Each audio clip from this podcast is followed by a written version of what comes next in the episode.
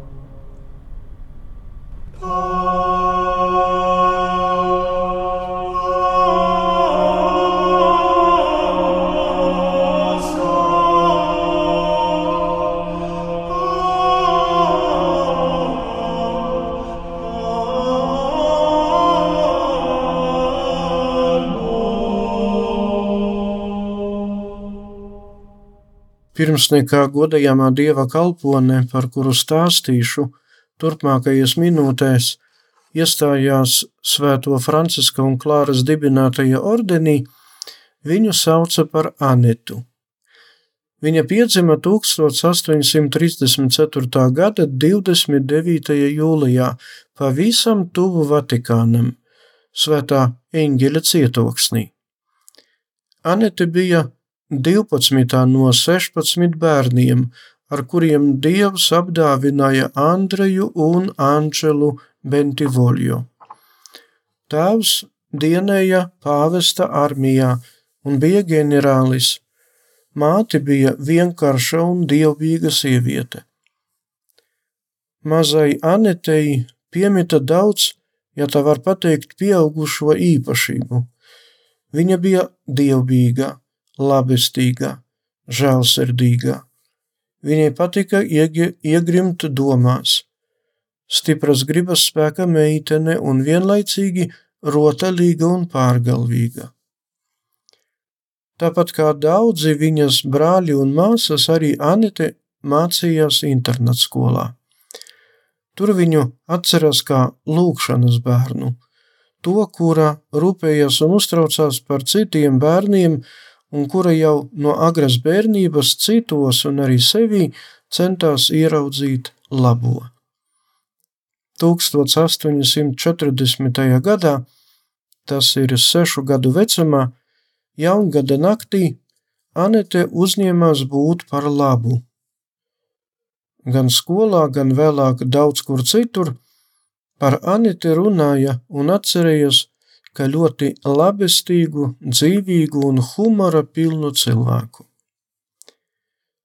Kad izveidojas nepieciešamība pārcelties uz citu skolu, Anetei laimējās kādu brītiņu būt kopā ar svēto Magdalēnu Zofiju Baretu, kura 1801. gadā kļuva par visvētākās Jēzus sirds kongregācijas dibinātāju. Anete, kā jau bērns, visu ceļu draiskuļojās un bija nemierīga, un tas noteikti sagādāja daudz nepatīkamu brīžu svētajai. 14 gadu vecumā Anete jau bija par pieredzējušo cīnītāju ar savu egoismu, un pakāpeniski savas domas un vēlmes, un arī darbus virzīja uz dieva pusi. Pēc savu vecāku nāves Anete ar vēl divām savām māsām pavadīja laiku māsu Dominikāņu klosterī, kur daudzas stundas pavadīja visvētākā sakramenta priekšā. Viņa arvien biežāk sāka domāt, vai dzīve klosterī ir tas, ko viņa patiešām grib, vai tas ir viņas dzīves aicinājums, vai stāties klosterī, vai tomēr veltīt sevi dažādām apustulāta aktivitātēm. Pakāpeniski Vēlme kļūt par klostermāsu ņēma virsroku, un Anete 1864. gadā jūlijā tika uzņemta māsu Klarisu San Lorenzo klosterī. Arī viņas māsa Konstance, ar kuru viņa vēlāk kopā strādāja un dibināja klosterus, iestājās tajā pašā San Lorenzo klosterī. Turpat gribēja iestāties arī Matilde, vēl viena Anetes māsa, tomēr viņa netika uzņemta vājas veselības dēļ.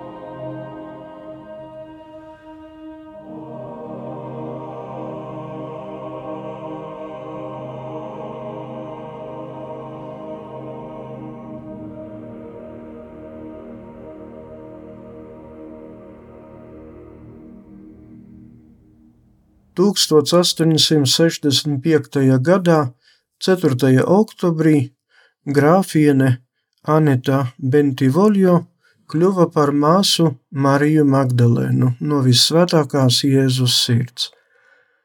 Jāpiezīmē, ka šajā San Lorenzo klosterī Bentivoļo māsas nodzīvoja gandrīz kā desmit gadus, un visus šos gadus māsa Marija Magdalēna karoja pret savu patmīlību un vēlmi sev izdabāt karoja cenšoties skrupulozāk izpildīt ordeņa regulas prasības.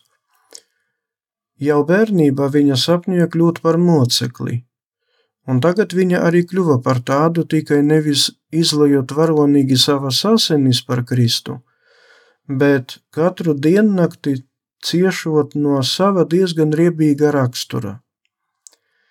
Uz savas dzīves nobeigumu jau kā māte Marija Magdalēna atzinās, ka nevienu reizi izjuta kārdinājumu visu pamest, iebāzt kaut kur savu lūgšanu grāmatu un neko nedarīt.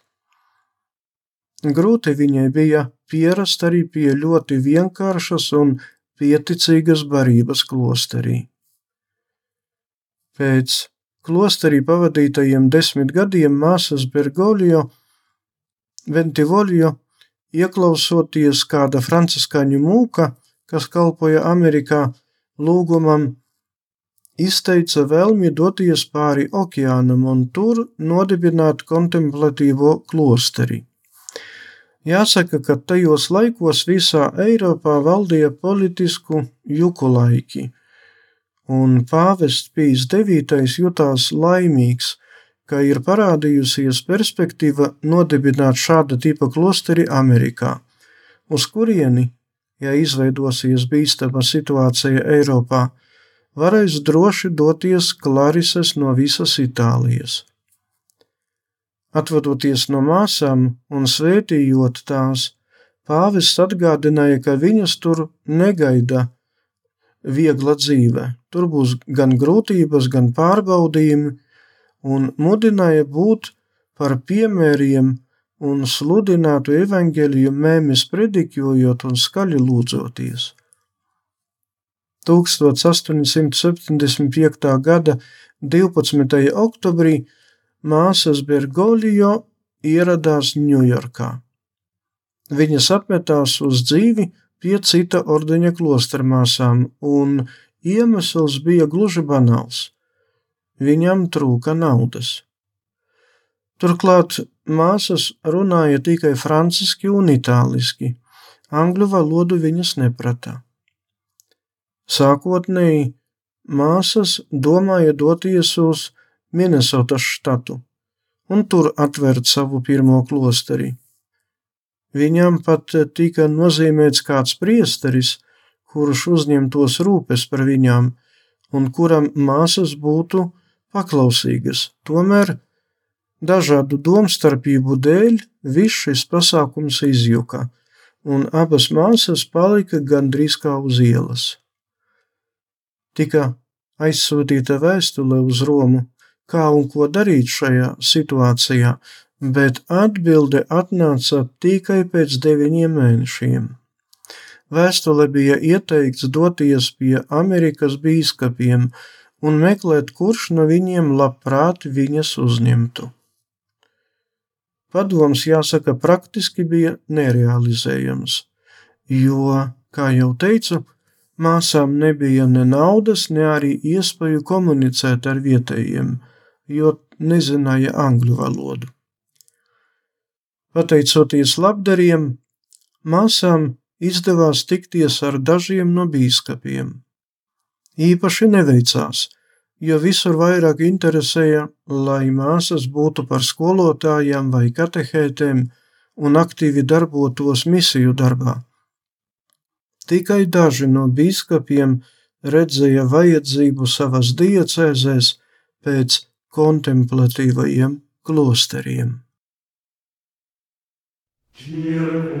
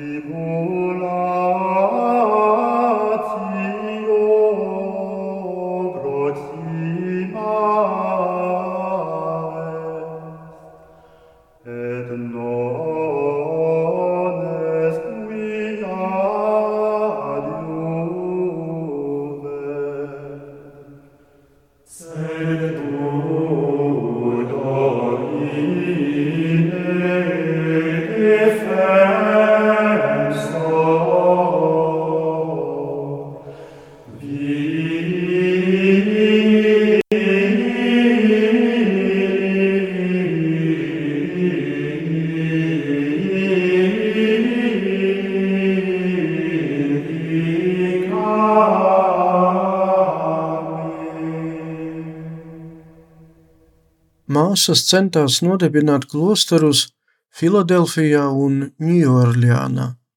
Tomēr tās labi izdevās tikai 1877. gadā Klīvlendā. Tur pie māsām Bentivoļo pievienojas 12 māsas no Vācijas.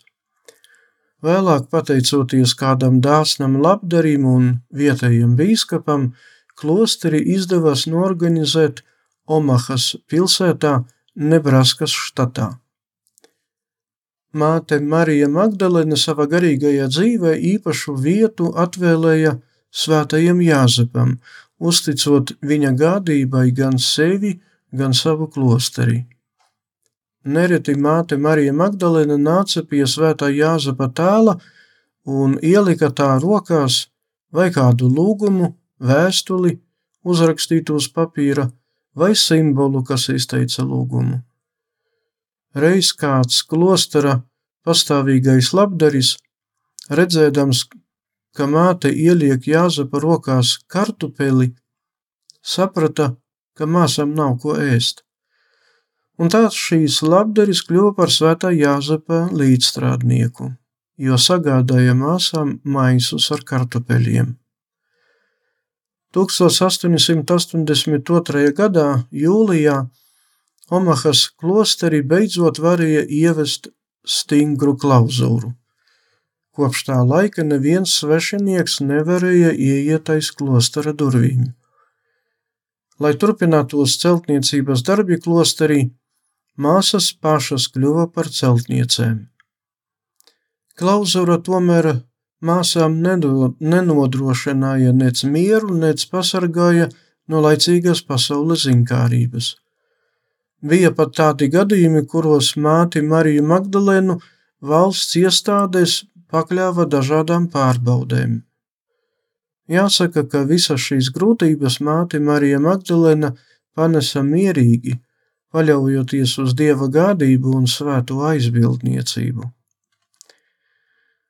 Dzīve klosterī nav medus strops. Grūtību vienmēr ir daudz. Tomēr māte Marija Magdalena vienmēr centās uzturēt mūžumu un humoru starp māsām. Viena no savām vēstulēm viņa savai māsai rakstīja: Mums nav ne apavu, ne zeķu. Redzēsim, vai spēsim to izturēt. Bet skaidrs ir tas, ka mēs nevienam negribam žēloties, un nevēlamies arī nevienu nosist. Mūsdienās Amerikā pastāv 16 māsu klarisu klosteri. 1905. gadā mātes Marijas Magdalēnas veselība sāka pasliktināties. Vēlēdamies nomirt, kā nomira svētais Francisks, māte Marija Magdalēna palūdza sava klostera māsas no viņas celles iznest visas mēbeles. Īsi pirms savas nāves viņa palūdza palīdzēt apgulties uz matrača, kas bija pildīts ar kukurūzas salmiem. Viņa skatījās uz krustā sistā attēlu. 18. augusta vakarā logi cellē bija aizsekti. Klostra māsas bija sapulcējušās cellē uz kopīgu lūkšanu, pārējās uz lūkšanu kapelā. Māte Marija Magdalene bija pārņemta ar pārdabisku gaišumu. Viņa piedzima debesīm klusi, un tad, kad viņa aizgāja no šīs pasaules, celi piepildīja patīkama smarža. 12. septembrī māti Mariju Magdalēnu apbedīja, ievietoja klostera kriptā. 1907. gadā, janvārī, notika viņas ekshumācija un tika konstatēts, ka nav trūdēšanas pazīmju. Zārku apzīmogoja un ievietoja atpakaļ savā vietā. 1928. gadā vietējais bīskaps iesāka mātes Marijas Magdalenes dzīves notikumu un raksturojuma procesu bet 1969. gadā ir iesācies viņas beatifikācijas process. Liels paldies par uzmanību, lai ir slavēts Jēzus Kristus. Raidījums Svētie. Katrā laikmetā ir dzīvojuši daudz svētie, un katrai paudzei Tie ir un paliek kā dzīvās ticības liecinieki. Mocekļi, apliecinātāji, vīri un sievas, jaunieši un bērni. Svētie ir tik dažādi, gluži kā mēs, bet ir kāda īpašība, kura visus svētos vieno. Viņi mīlēja, mīlēja Dievu un cilvēkus. Raidījums par svētījumiem ir stāstījums par Dieva mīlestības reālo klātbūtni mūsu dzīvē. Santa Trinitas unos Deus, miserere Santa Maria, ora